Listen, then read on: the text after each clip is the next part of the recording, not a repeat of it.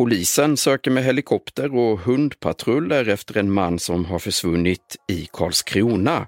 Mannen såg senast i lördags och Jimmy Modin på polisen berättar att det är efter en anmälan som eftersökningarna görs, bland annat med helikopter och hundpatruller.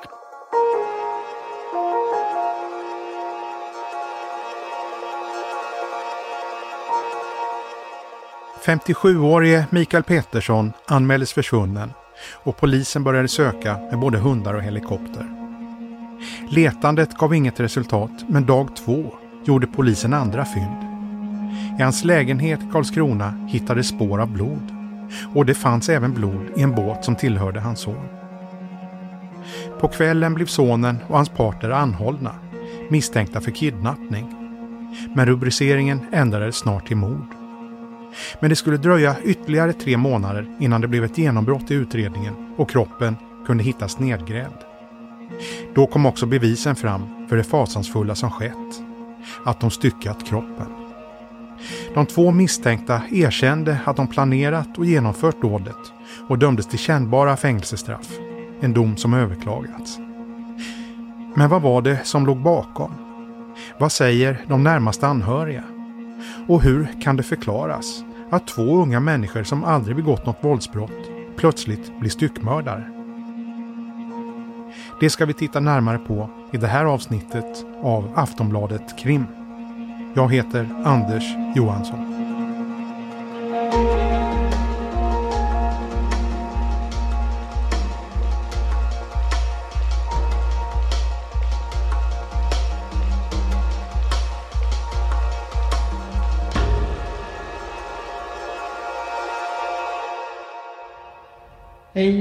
Välkomna. Mitt namn är Anatoly Pettersson. Detta är L'Opera Mare med en hälsning med hopp och kärlek och lite sommarglädje.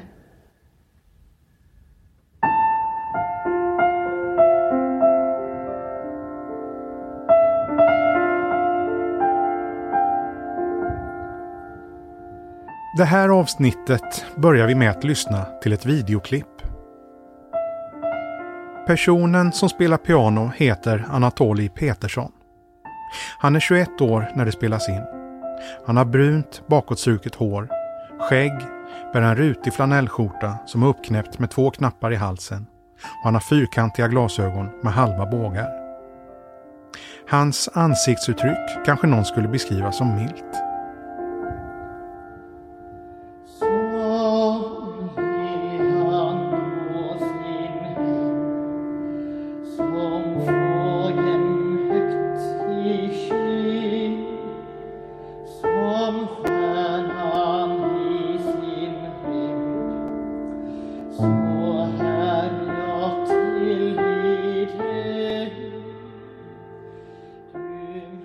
När han sjunger tittar Anatoli på vad som tycks vara ett notblad som står på flygeln. Klippet, där filmbilderna gjorts svartvita, är upplagt i juni år 2020 på en kanal som heter L'Opera Sulmare Sweden.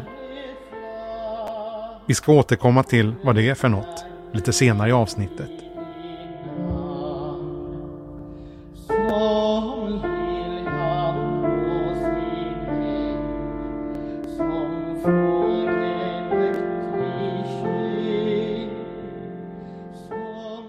Knappt en månad innan Anatoli Petersson lägger ut klippet med sången görs en sökning från hans mobil. Sökningen leder till hemsidan 16 steps to kill someone and not get caught. Det är en av många detaljer i Anatolis webbhistorik. De digitala spår som i efterhand tycks berätta om varför en 57-årig man senare skulle mista livet.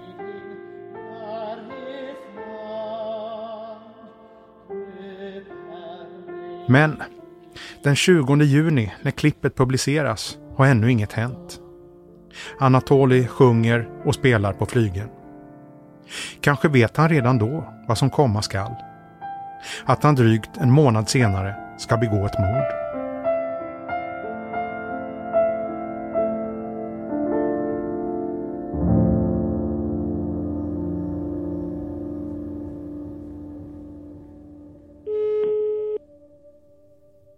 Ja, Anita. Ja, hejsan. Eh, jag heter Anders Johansson och jobbar på Afton. Det här är Anita Petersson. Hon är 81 år gammal och bor i en mindre ort i Blekinge. Hon är mamma till Mikael och farmor till Anatoli som hon kallar Anton, som spelar piano och sjunger i inledningen till det här avsnittet. När vi når henne har vi sökt henne ett par dagar. Vi har ringt för att höra om hennes uppfattning om det som skedde den 25 juli 2020. En händelse som inbegriper både hennes son och hennes sonson. Vi kommer till det som skedde då snart. Men vi börjar tio dagar tidigare. Det är nämligen den sista gången då Anita träffar sin son Mikael. Under den här dagen är både han och barnbarnet Anatoli på besök hos henne. Och de var hos mig här den 15 juli. Och den Mikael försvann den 25 juli. Vi satt ja. de här och då var det redan planerat allting. Vi, vi fattade ingenting. Nej. Nej. Det var inga varningssignaler på något håll? Inte. Man kunde alltid märka på Anton när han var här i alla fall. Vi hade aldrig någonting ont av honom så va. Så vi var ju chockade också när detta hände va. Ja. Men, men, men då när de var och hälsade på eh, hos dig och er, hur, hur, hur verkade de då? Ja, det var som vanligt. Vi grillade lite korv och vi var... Och det var ingen, ingenting. Han satt där. Han satt ju med sin telefon, men det gör ju alla ungdomar. Ja. Det står ju, trycker på den hela tiden, kan man ju säga. Men ingenting som var störande. Som vi Nej. förstod va? Nej. Nej. Och Mikael? Hur, hur, hur verkade Mikael då? Det var inget som han verkade bekymrad över någonting eller? Nej, inte vad jag kunde förstå alltså. Nej, ingenting.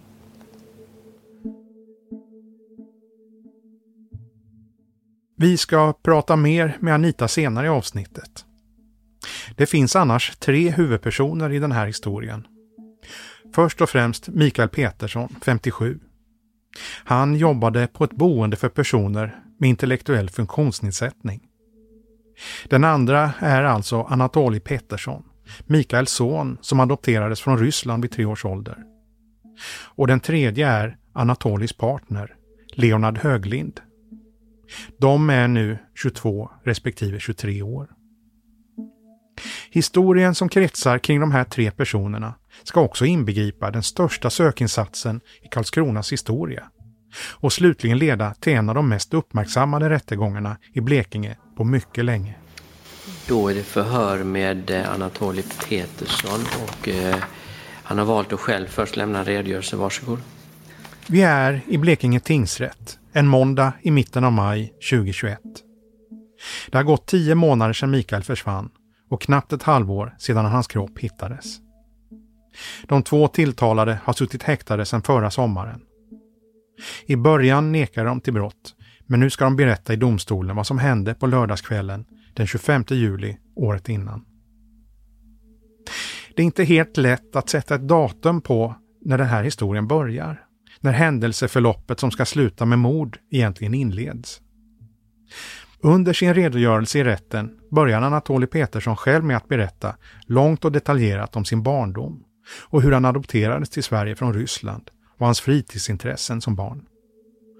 Vi kommer snabbspola just den biten, men efter drygt 20 minuters monolog kommer han till en punkt som kan sägas vara startskottet för den här berättelsen. Och då är vi inne på eh, 2019, så kan vi börja där Höglind och jag träffades. Det är i juli 2019 när Anatoli Petersson och Leonard Höglind träffas för första gången. De ses på en prova på-dag på den lokala jujutsu-klubben. Efter passet går Anatoli fram till Leonard och frågar om han vill testa en annan kampsport. Den han säger heter Shikikan. Och enligt Anatoli är det hans syster som har skapat den. Det var en kampsportstil som var en blandning av karate, wing chun och jujutsu berättade han. Den här rösten tillhör alltså 23-årige Leonard, den andra av de två tilltalade. Han blir nyfiken på sporten Shikikan och några dagar senare träffas de två själva för att träna. Anatoly har tidigare sagt att fler ska vara med på passet, men ingen annan dyker upp. Här kan det vara värt att nämna att allt tyder på att det här är en kampsport som Anatoly själv har hittat på. Alla sökresultat på Google tycks leda tillbaka till honom. Leonard fastnar ändå för Shikikan. Under månaden som följer ses de två till tre gånger i veckan för att ägna sig åt kampsporten. De är alltid själva. När vi hade tränat någon månad eller så eh, så ville Anatoly att jag skulle bli hans personliga elev under den här eh, kampsportstilen då. Jag skulle kalla honom Renshi som betyder mästare och det är liksom en, en grad över sensei. Det här ska komma att bli symptomatiskt för Anatolis och Leonards relation. I alla fall när Leonard berättar. Enligt honom är Anatoli ledaren som han underkastar sig. En som reagerar på den här dynamiken är Leonards dåvarande sambo. Min eh, sambo som jag hade då tyckte att jag eh, lät Anatoli behandla mig precis hur som helst. Att han behandlade mig som en hund. Att han bara gav order och jag lydde. Under månaderna som går så fortsätter de att träna kampsport. I januari 2020 hittar de en ny gemensam aktivitet. I detta skede så har jag ju då vävat eh, Höglin till att involvera sig i musikföreningen, också Lobras Mare.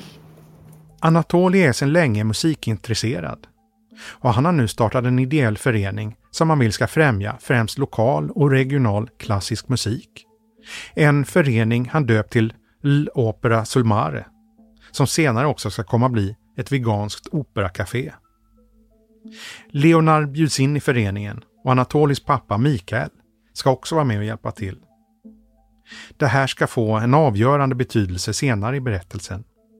Vi återkommer till det.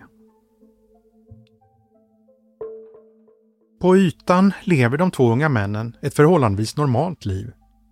Men parallellt befinner de sig i en närmast vansinnig fantasivärld.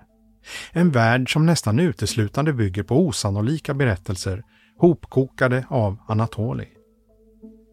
Enligt honom själv har han länge haft svårt att hålla isär verklighet och fantasi. Det uppdagas också tidigt av myndigheterna när Anatoli åker dit för snatteri, när han går i högstadiet. I de efterföljande mötena märker socialsekreteraren att något är märkligt. Eh, hon märker tidigt under våra samtal att jag har problem helt enkelt med att eh, skilja på fantasi och verklighet. Eh, och detta yttrar sig då att jag gärna ja, kryddar på sanningen kan vi väl kalla det på vissa aspekter som barn lätt har, ja, har lätt att göra. Samt även att jag drar historier som inte alls är kopplade till verkligheten men som hon uppfattar att jag tror på genuint vid tillfällen. Eh, och detta kan jag själv hålla med om att jag gjorde på många sätt och vis. De här lögnerna eller vanföreställningarna är även i vuxen ålder en stor del av Anatolis vardag. Och när hans relation med Leonard fördjupas så blir även han en del av fantasivärlden. Mot den bakgrunden kan tillförlitligheten i mycket av det Anatoli berättar i domstolen ifrågasättas.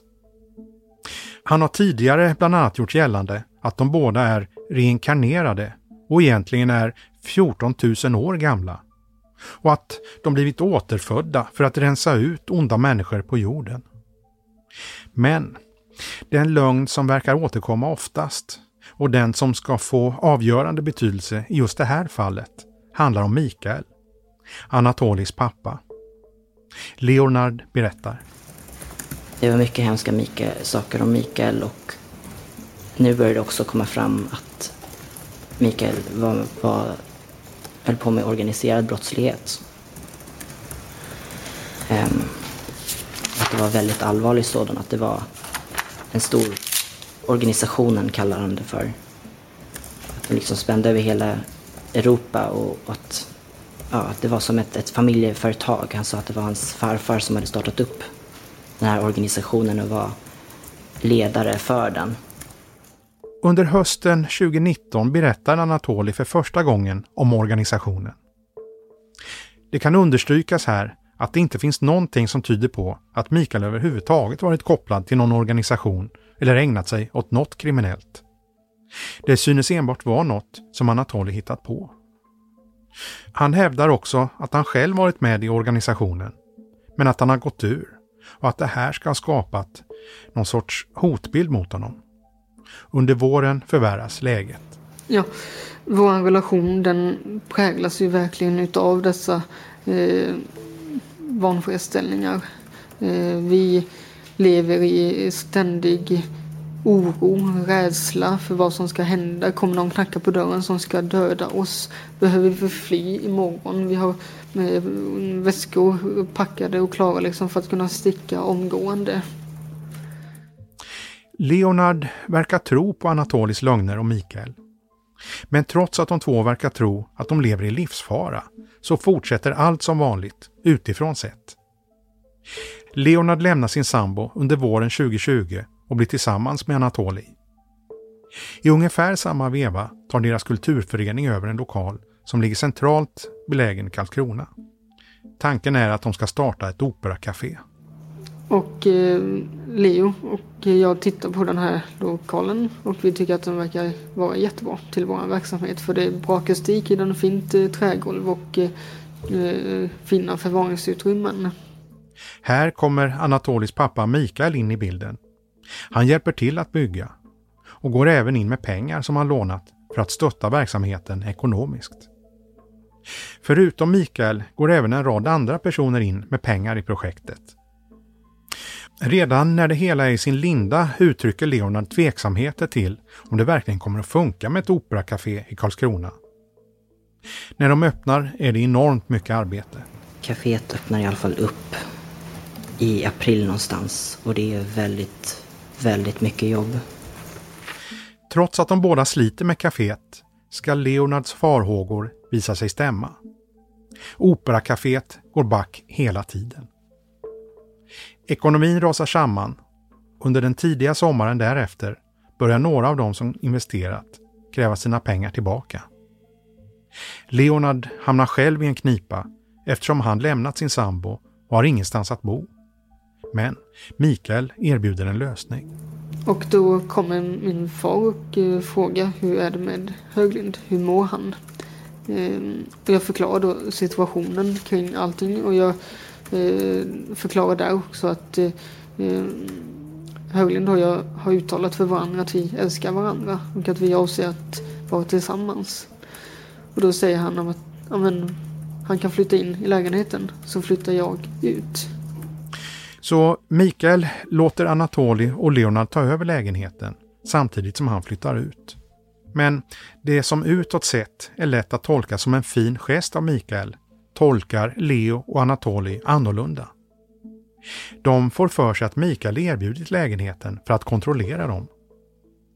Parallellt med att situationen på kaféet förvärras menar Anatoli att hans vanföreställningar också blivit värre.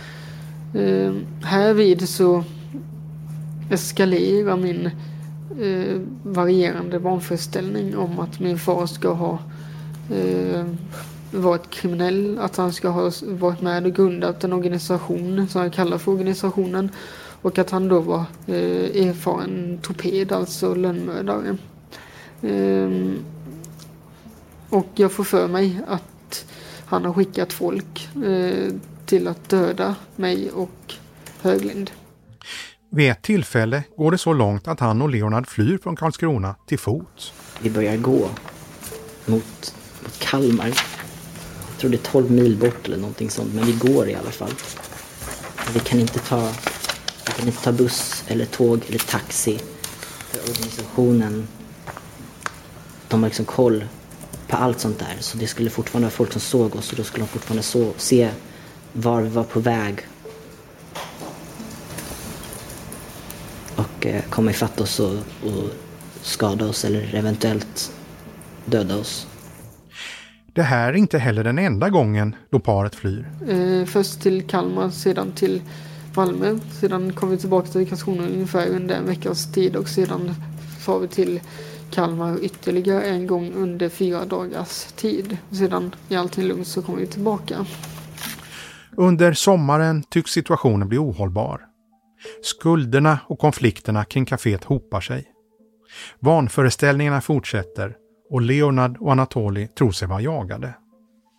Anatoli säger att han återkommande får en typ av krampanfall. I juli sätter sig Mikael och Anatoli i ett möte. Mikael har ju hjälpt till att renovera och dessutom gått in med stora summor pengar i kaféet och vill få en bild av hur det går. Efter ett tag kommer han med ett besked som inte rör kaféet. Och han säger då citat Leo får till augusti månad på sig att flytta ut. Slutcitat. Senare träffas Leonard och Anatoli för att prata om det nya problemet som uppstått. Att Leonard måste flytta ut. Leonard frågar om det går att ändra på något sätt, men det gör det inte. Några dagar senare, när de pratar om det igen, tar Leonard ton. Och där frågar Höglind efter en lång tystnad. Citat, du vill döda honom va? Slutcitat.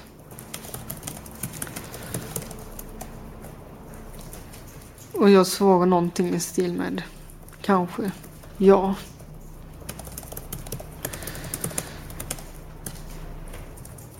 Och så frågar jag Höglind. Skulle du hata mig om jag gör det? Nej, han förtjänar det, svarade Höglind.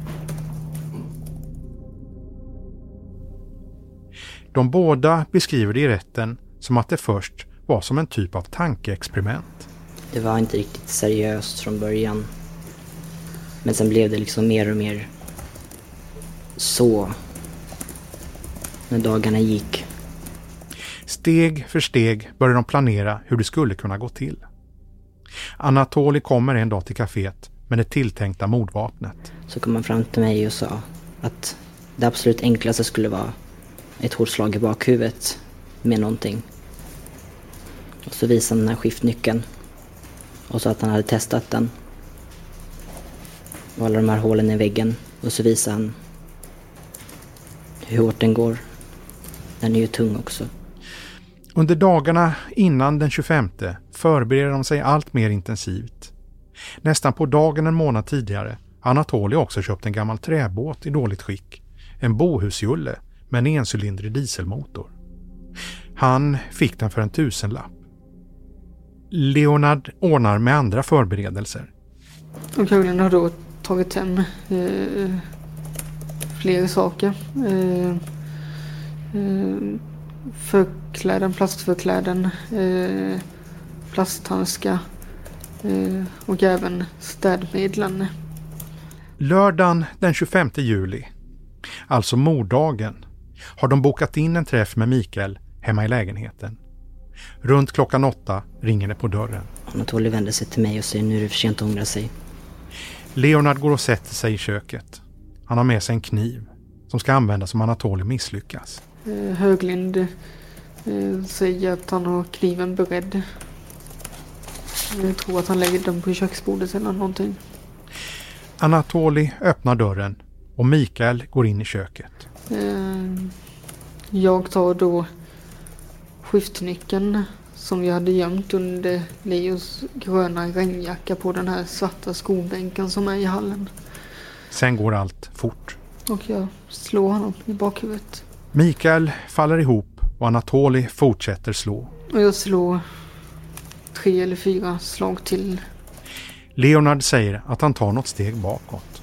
Och håller för öronen för det låter så... Det låter så högt. Kort senare är det över. Leonard går ut på balkongen. Det luktade så starkt av blod så jag gick ut på balkongen och mådde illa. Anatoly följde efter. Efter ett tag går de in igen. De tar på sig varsitt par gamla gympaskor, förkläden, gummihandskar i dubbla lager. Sen släpper vi in honom i badrummet. Jag satte igång musik så att jag inte ska börja tänka. tillåter mig inte själv att tänka. Anatoli säger att han lämnar badrummet och går ut i köket. Och jag antar att han påbörjar arbetet med att sticka kroppen där då. Under de följande timmarna styckar Leonard kroppen. Anatoli städar. Så jag eh, tar handdukar, ett tiotal från eh, eh städskrubben. Eh, och börjar, påbörjar arbetet med att städa upp. Leonard packar kroppsdelarna i väskor. Sent på natten är de färdiga. Det var ju så sent. Vi var så utmattade så vi gick och la oss och somnade. Ställde larmet för tidigt nästa morgon. Morgonen efter är en söndag. De tar en kärra från ett förråd och kör väskorna ner till Bohusjullen som tidigare mest legat oanvänd. Förutom väskorna tar de med sig ett grillgaller, korv och energidryck. Sen kastar de loss. Först stannar de till vid Långö för att hämta skyfflar och en yxa. Därpå tar de sikte på en annan ö i skärgården. Så åker vi ut mot Varö, som jag aldrig varit på tidigare. Men han säger att han känner till skärgården väl och här skulle det inte komma vara någon människa innan tio, sa han. Men Anatolis gissning ska visa sig vara fel. När de väl kommer fram till Varö så ser de båtar och människor på plats. De åker vidare för att hitta en annan ö, men misslyckas. Ett tag senare åker de förbi Varö igen. Och så ser vi att båten inte längre är kvar där. Antagligen hade de tältat där under natten och åkt iväg precis eller något. Så vi lägger till vid flytbryggan som är på Varös östra sida. De går i land, lyfter upp väskorna och efter ett tag hittar de en björkdunge. De börjar gräva och efter några timmar är gropen tillräckligt djup. De lägger ner kroppsdelarna. Sen tar de en paus och grillar korv. Under tidig eftermiddag är de färdiga på ön. De kvarvarande sakerna packar de ner i en resväska. Sen går de ut på havet igen. När vi kommit en ganska bra bit, säkert åt 20 minuter. Minst. Så sa han åt mig att styra medan han band ehm, ankare runt resväskan. Sen stannade vi båten och han sa att här var en bra plats för här är det 16 meters djup. Men när han hade bundit runt väskan så hade det droppat blod från den. Jag skrek till. Men han sa att det inte gjorde någonting. Att vi bara kunde se att det var fiskblod. Det här ska visa sig vara ett av många ödesdigra beslut som paret har. Efter att de dumpat väskan åker de in till stan igen. Nästan direkt när de kommer in springer de på Mikaels pappa som är orolig och undrar var Mikael är. Han undrar också varför Mikaels bil är parkerad utanför parets lägenhet. På eftermiddagen sätter sig Anatoli och Leonard på en pizzeria i stan och äter. Anatoli dricker en öl, Leonard en cider. Två dagar senare grips och anhålls de båda.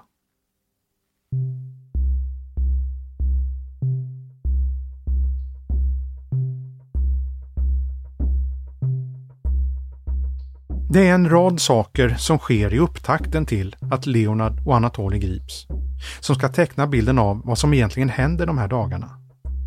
Bland annat handlar det om tre separata telefonsamtal. Mordet genomförs på lördagskvällen. På söndagen styckas kroppen och grävs ner på Varö i Blekinge skärgård. Måndagen klockan 10.31 får polisens ledningscentral in ett samtal som gäller en försvunnen person polisens ledningscentral. Ja, hej. Min namn är Anatoli Pettersson. Jag ringer från Karlskrona. Hej. Eh, jo, jag skulle vilja upprätta en anmälan om en försvunnen person. Okej. Eh, då ska vi se. Var, var har den här personen försvunnit ifrån? Vet du det? Eh, från Karlskrona. Eh, ja, men du vet inte var, vilken adress eller så? Eh, nej, alltså det, det är min far som har försvunnit och yeah. eh, han var ju hemma hos mig senast i lördags kväll. Okay. Eh, och så hade han bråttom därifrån och sedan efter det han inte syns till. Nej, jag förstår. Du, vad har han för personnummer? Det är alltså Anatolij Petersson som själv ringer polisen och anmäler pappan försvunnen. Senare på kvällen ringer han även sin farmor, Anita, som vi hörde tidigare i avsnittet. Och han ringer till mig på måndagskvällen. Halv sju ringer han till mig och berättar detta. Ja, då säger han att eh, jag ska berätta en eh, sorglig historia för dig. Pappa har försvunnit. Han skulle vara, de skulle liksom prata, eller han skulle åka upp till sin lägenhet och prata. De skulle ha något möte och de hade ju ett café med. Och eh, han hade så bråttom sa Anton. Han sa att eh, vi väntar på mig och så va. Och sen försvann han, sa han. Mm. Var det inte mer med det va. Sen, men polisen tog ju dem sen. Anita blir chockad när hon hör att Mikael är försvunnen. Hon vet inte vad hon ska tänka när hon får höra att Anatoli och Leonard har gripits. De sa ju först att de var kidnappade. Ja, men det, jag förstod nästan rätt så snabbt att det, det var inte så. Nej. I förundersökningen ingår även ett tredje samtal och även det rings måndagen den 27 juli. Och det här går till en man som heter Thomas Perklo. Han är vän med Mikael sedan barnsben och jobbar till vardags som polis. Men det här ärendet har han inte jobbat med utan han hörs här som vittne. I rätten berättar Thomas om samtalet.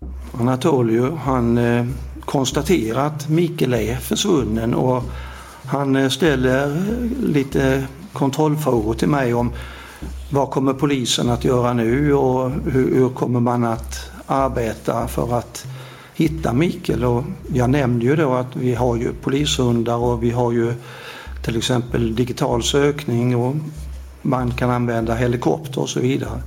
Men efterhand som vi pratar så jag känner att frågorna är mer inriktade på vad polisen gör än att han känner något för att någon oro för att Mikael skulle vara försvunnen och att det skulle kunna ha hänt honom något. Thomas Perklo säger att han uppfattade samtalet som luskande och att han bestämde sig för att kontakta förundersökningsledaren dagen därpå. Dagen efter ringer han och säger åt polisen att tänka brett. Samma dag som Thomas ringer, tisdagen den 28 juli, hittar polisen blodspår i lägenheten och i båten. De matchar mot Mikaels DNA. Leonard och Anatoli grips och anhålls misstänkta för människorov. Men polisen misstänker redan tidigt att det egentligen handlar om mord.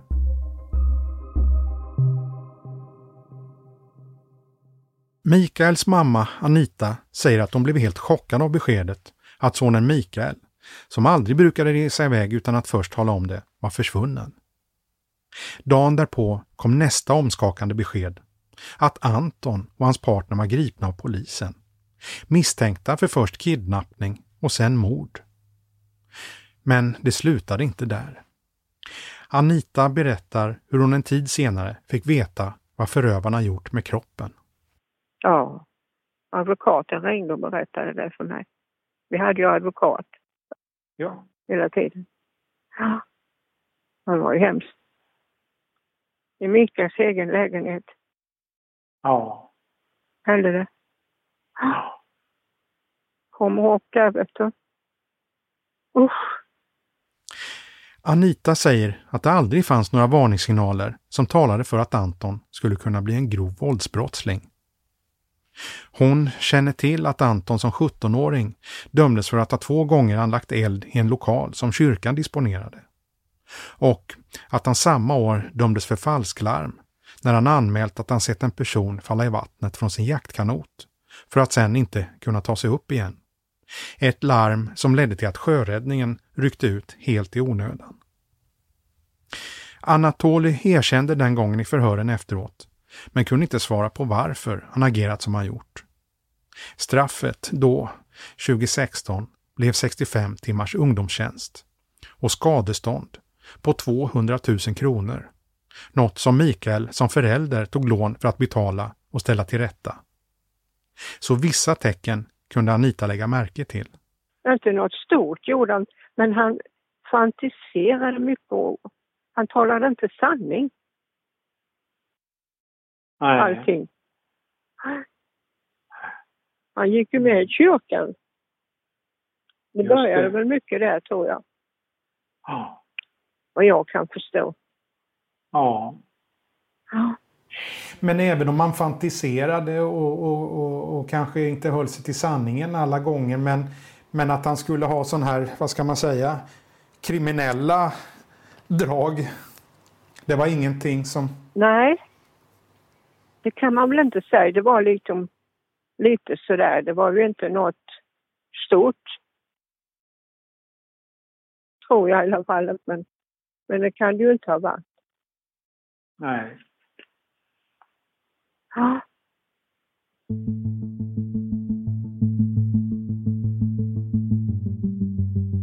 Den 15 juni kommer domen i Blekinge tingsrätt. Livstid respektive 18 års fängelse och det blev tingsrättens dom för de två män som åtalats för mordet på 57-åriga Mikael Pettersson i Karlskrona förra året. Båda döms för mord och brott mot griftefriden.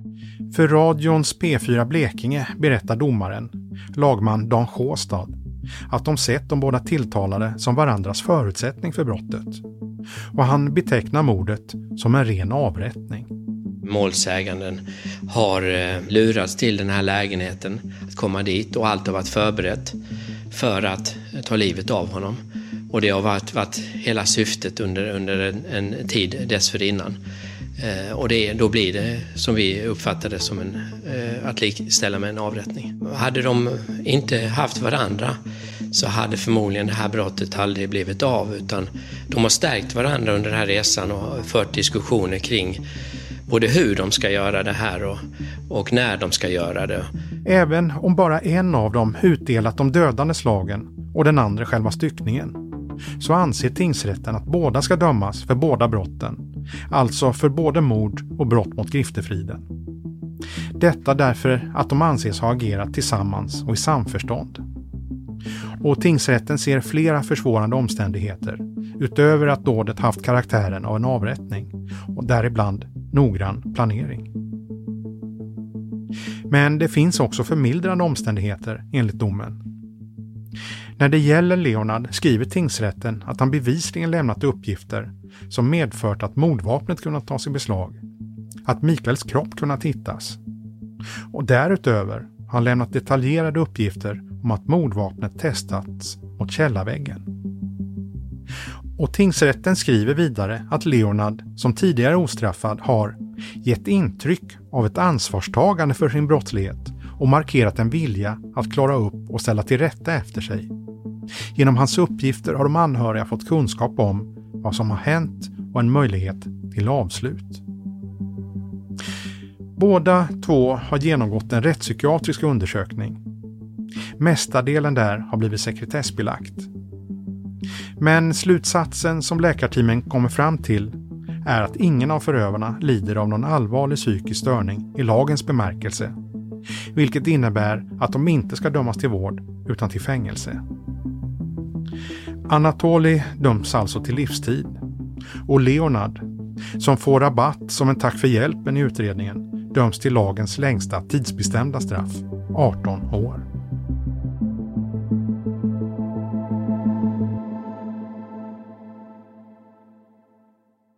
Ett år har gått sedan Mikael försvann.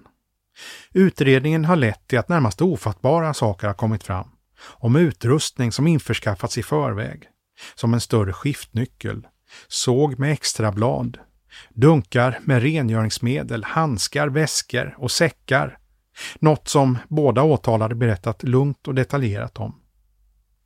Anita, som plötsligt hamnat i rollen som anhörig till både ett mordoffer och en mördare, menar, precis som domaren uttalat, att ingen av de två gärningsmännen skulle ha kunnat utföra brotten på egen hand.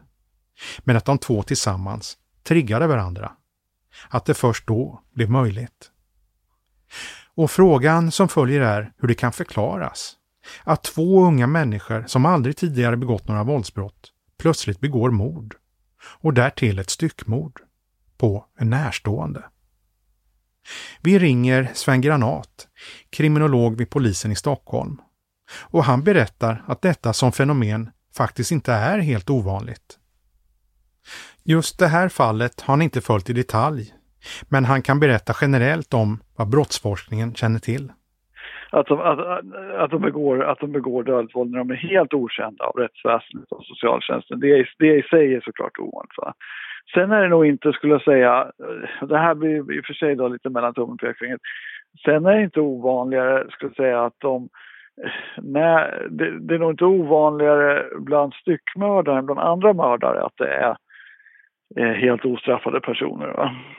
Snarare kanske till och med kan vara tvärtom. Va? För att eh, de som sen styckar kroppen, de har kanske mördat för att, utan att de har alls planerat det, va? utan det här är någonting som de har överraskats av. Va? De rör sig liksom inte i någon krim, i, i, i liksom kriminell miljö eller liksom i ett kriminellt sammanhang där man, där man planerar och är van att hantera sånt här. Och då kan, och då kan den här med styckningen bli en lösning liksom, på ett problem som man, på en situation man aldrig hade trott att man skulle hamna i. Va? Om man jämför med morden, så att säga, uppgörelser i kriminella kretsar, där har du liksom en hel apparat och du kan planera att men han kommer att finnas där på det där stället, på det där kaféet eller vi ska locka med honom hit och sen klipper vi honom eller man gör det på ett sånt sätt att man vet att man inte lämnar några spår. Man har liksom skjutvapen, man har handskar, eh, man har en flyktmoppe och sådär. Men det har inte de här ovan, så att säga, de här mer så att säga, ostraffade figurerna. Då.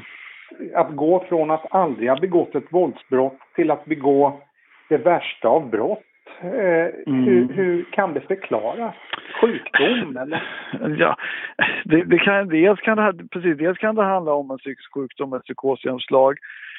Eh, som sagt, det kan också handla om ett väldigt, väldigt speciell form av grupptryck va, också, som man utövar på, på, på varandra.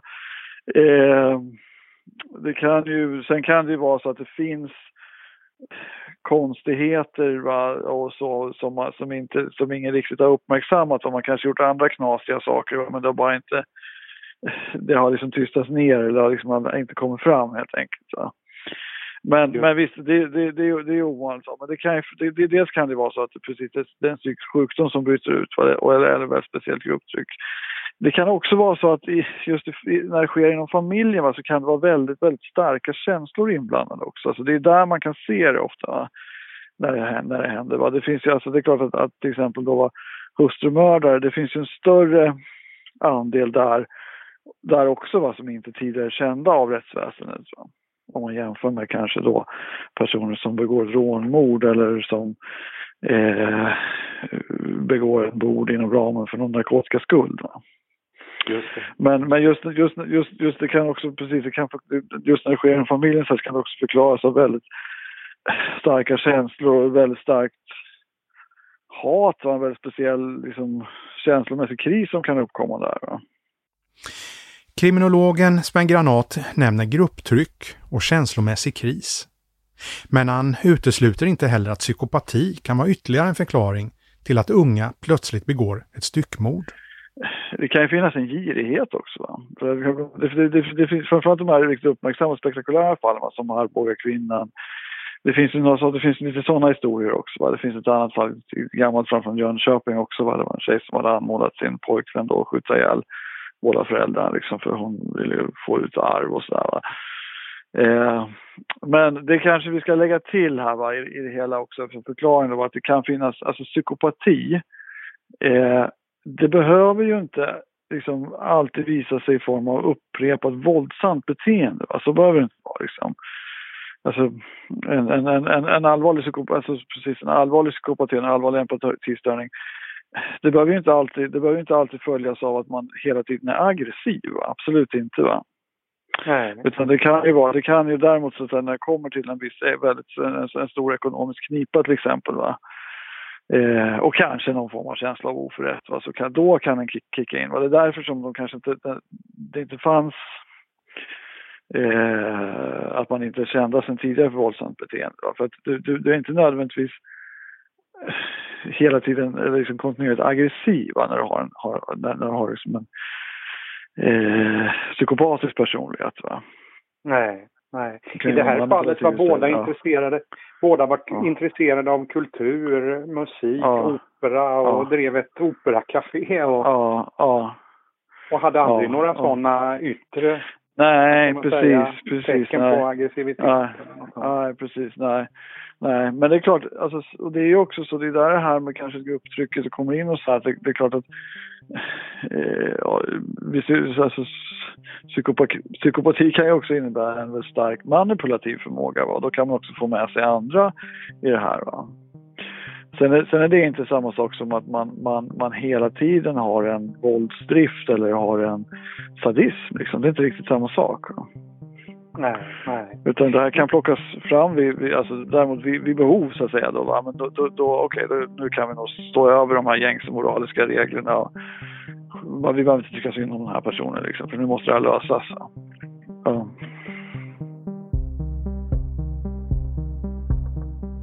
När det här spelas in har domen överklagats. Både åklagaren och de tilltalade vill se en ändring. Åklagaren Hanna Johansson menar att de båda bör dömas till livstid. Alltså även Leonard som fick 18 år. Åklagaren anser att han ska fällas för fullt gärningsmannaskap, fällas för mord även om han inte utdelat några slag. Motiveringen är att han varit med i så hög grad i både planeringen och genomförandet av det hela. Leonard står kvar vid sitt erkännande. Han medger medhjälp till mord och yrkar nu att straffet ska sättas ner väsentligt. Han framhåller för sin del att han inte utövat något dödligt våld och menar att han hjälpt polisen så mycket i utredningen att han ska få strafflindring för det. Bland annat alltså eftersom han berättade var kroppen fanns. Åklagaren däremot menar att hans medverkan inte varit, som det brukar uttryckas, av väsentlig betydelse för utredningen av brotten. Hon framhåller att kroppen hittats förr eller senare ändå. Att polisen inte var klar med sina eftersökningar när Leonard pekade ut var gravplatsen var belägen.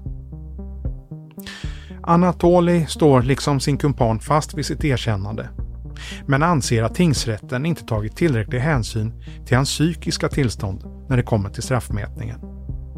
Han tycker att den rättspsykiatriska undersökningen inte genomförts på ett korrekt sätt och begär nu att Socialstyrelsens rättsliga råd, den högsta expertinstansen, ska yttra sig. Han yrkar att straffet ska sättas ner. För de anhöriga var den sju dagar långa rättegången en plåga. Mikaels syster Liselott uppger för oss att de bland annat fick sitta och lyssna på bådas berättelser om hur deras liv varit innan det här hände. Vilket var helt ointressant och meningslöst för oss anhöriga, säger Liselott. Det de borde ha berättat var hur fin och snäll Mikael var, hur han hjälpte dem ekonomiskt och med boende, säger Liselott. För sån var Mikael, säger Liselott. Han tänkte främst på andra än sig själv. Han var mycket omtyckt av alla. Hon berättar också att de reagerade på hur det vid rättegången vädjades om att det vid domen skulle tas hänsyn till de båda åtalades ålder. Att de hade livet framför sig efter fängelsetiden. Det var fruktansvärt att höra, säger Liselott. Även Mikael hade livet framför sig. Men så blev det inte, säger Liselott och tillägger. Ett avslut av det som hänt kan det aldrig bli, eftersom vi aldrig kan få Mikael tillbaka. Hon menar att det inte finns något annat straff nu än livstid för båda förövarna. Mikaels och Liselotts mamma Anita, farmor till Anatoli som vi hört tidigare, framhåller samma sak. Och hon berättar att hon tänkt på vad han sa direkt till henne under rättegången. Att han bad om ursäkt. Ja, det gjorde han. Tog sig för hjärtat, urskuldade Så tittade han på mig. Jag satt ju bakom honom. Hur uppfattade du det? Ja, det, på ett vis var det väl kanske bra att han gjorde det. Men jag tror inte han menade det. Det kan jag säga. Jag tror inte det faktiskt. Det var inte ärligt riktigt. Nej, jag tycker... Jag, jag, Jag tror inte att det var det. På fråga berättar Anita också hur hon tänker kring att kanske någon gång förlåta. Också där är uppfattningen klar.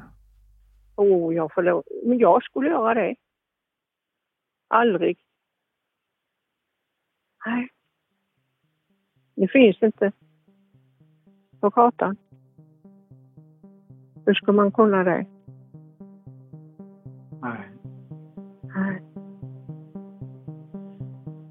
Nej, inte när man gjort så. Med min son, eller vår son. Aldrig. Aldrig.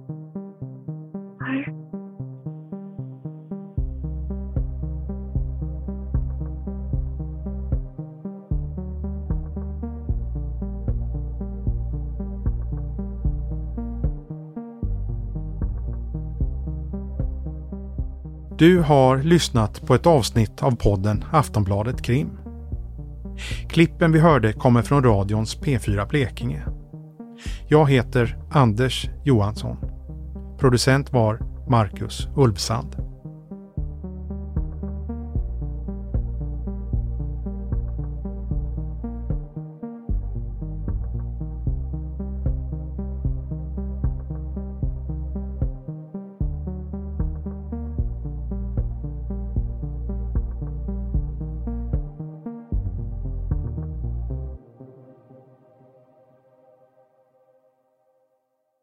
Du har lyssnat på en podcast från Aftonbladet.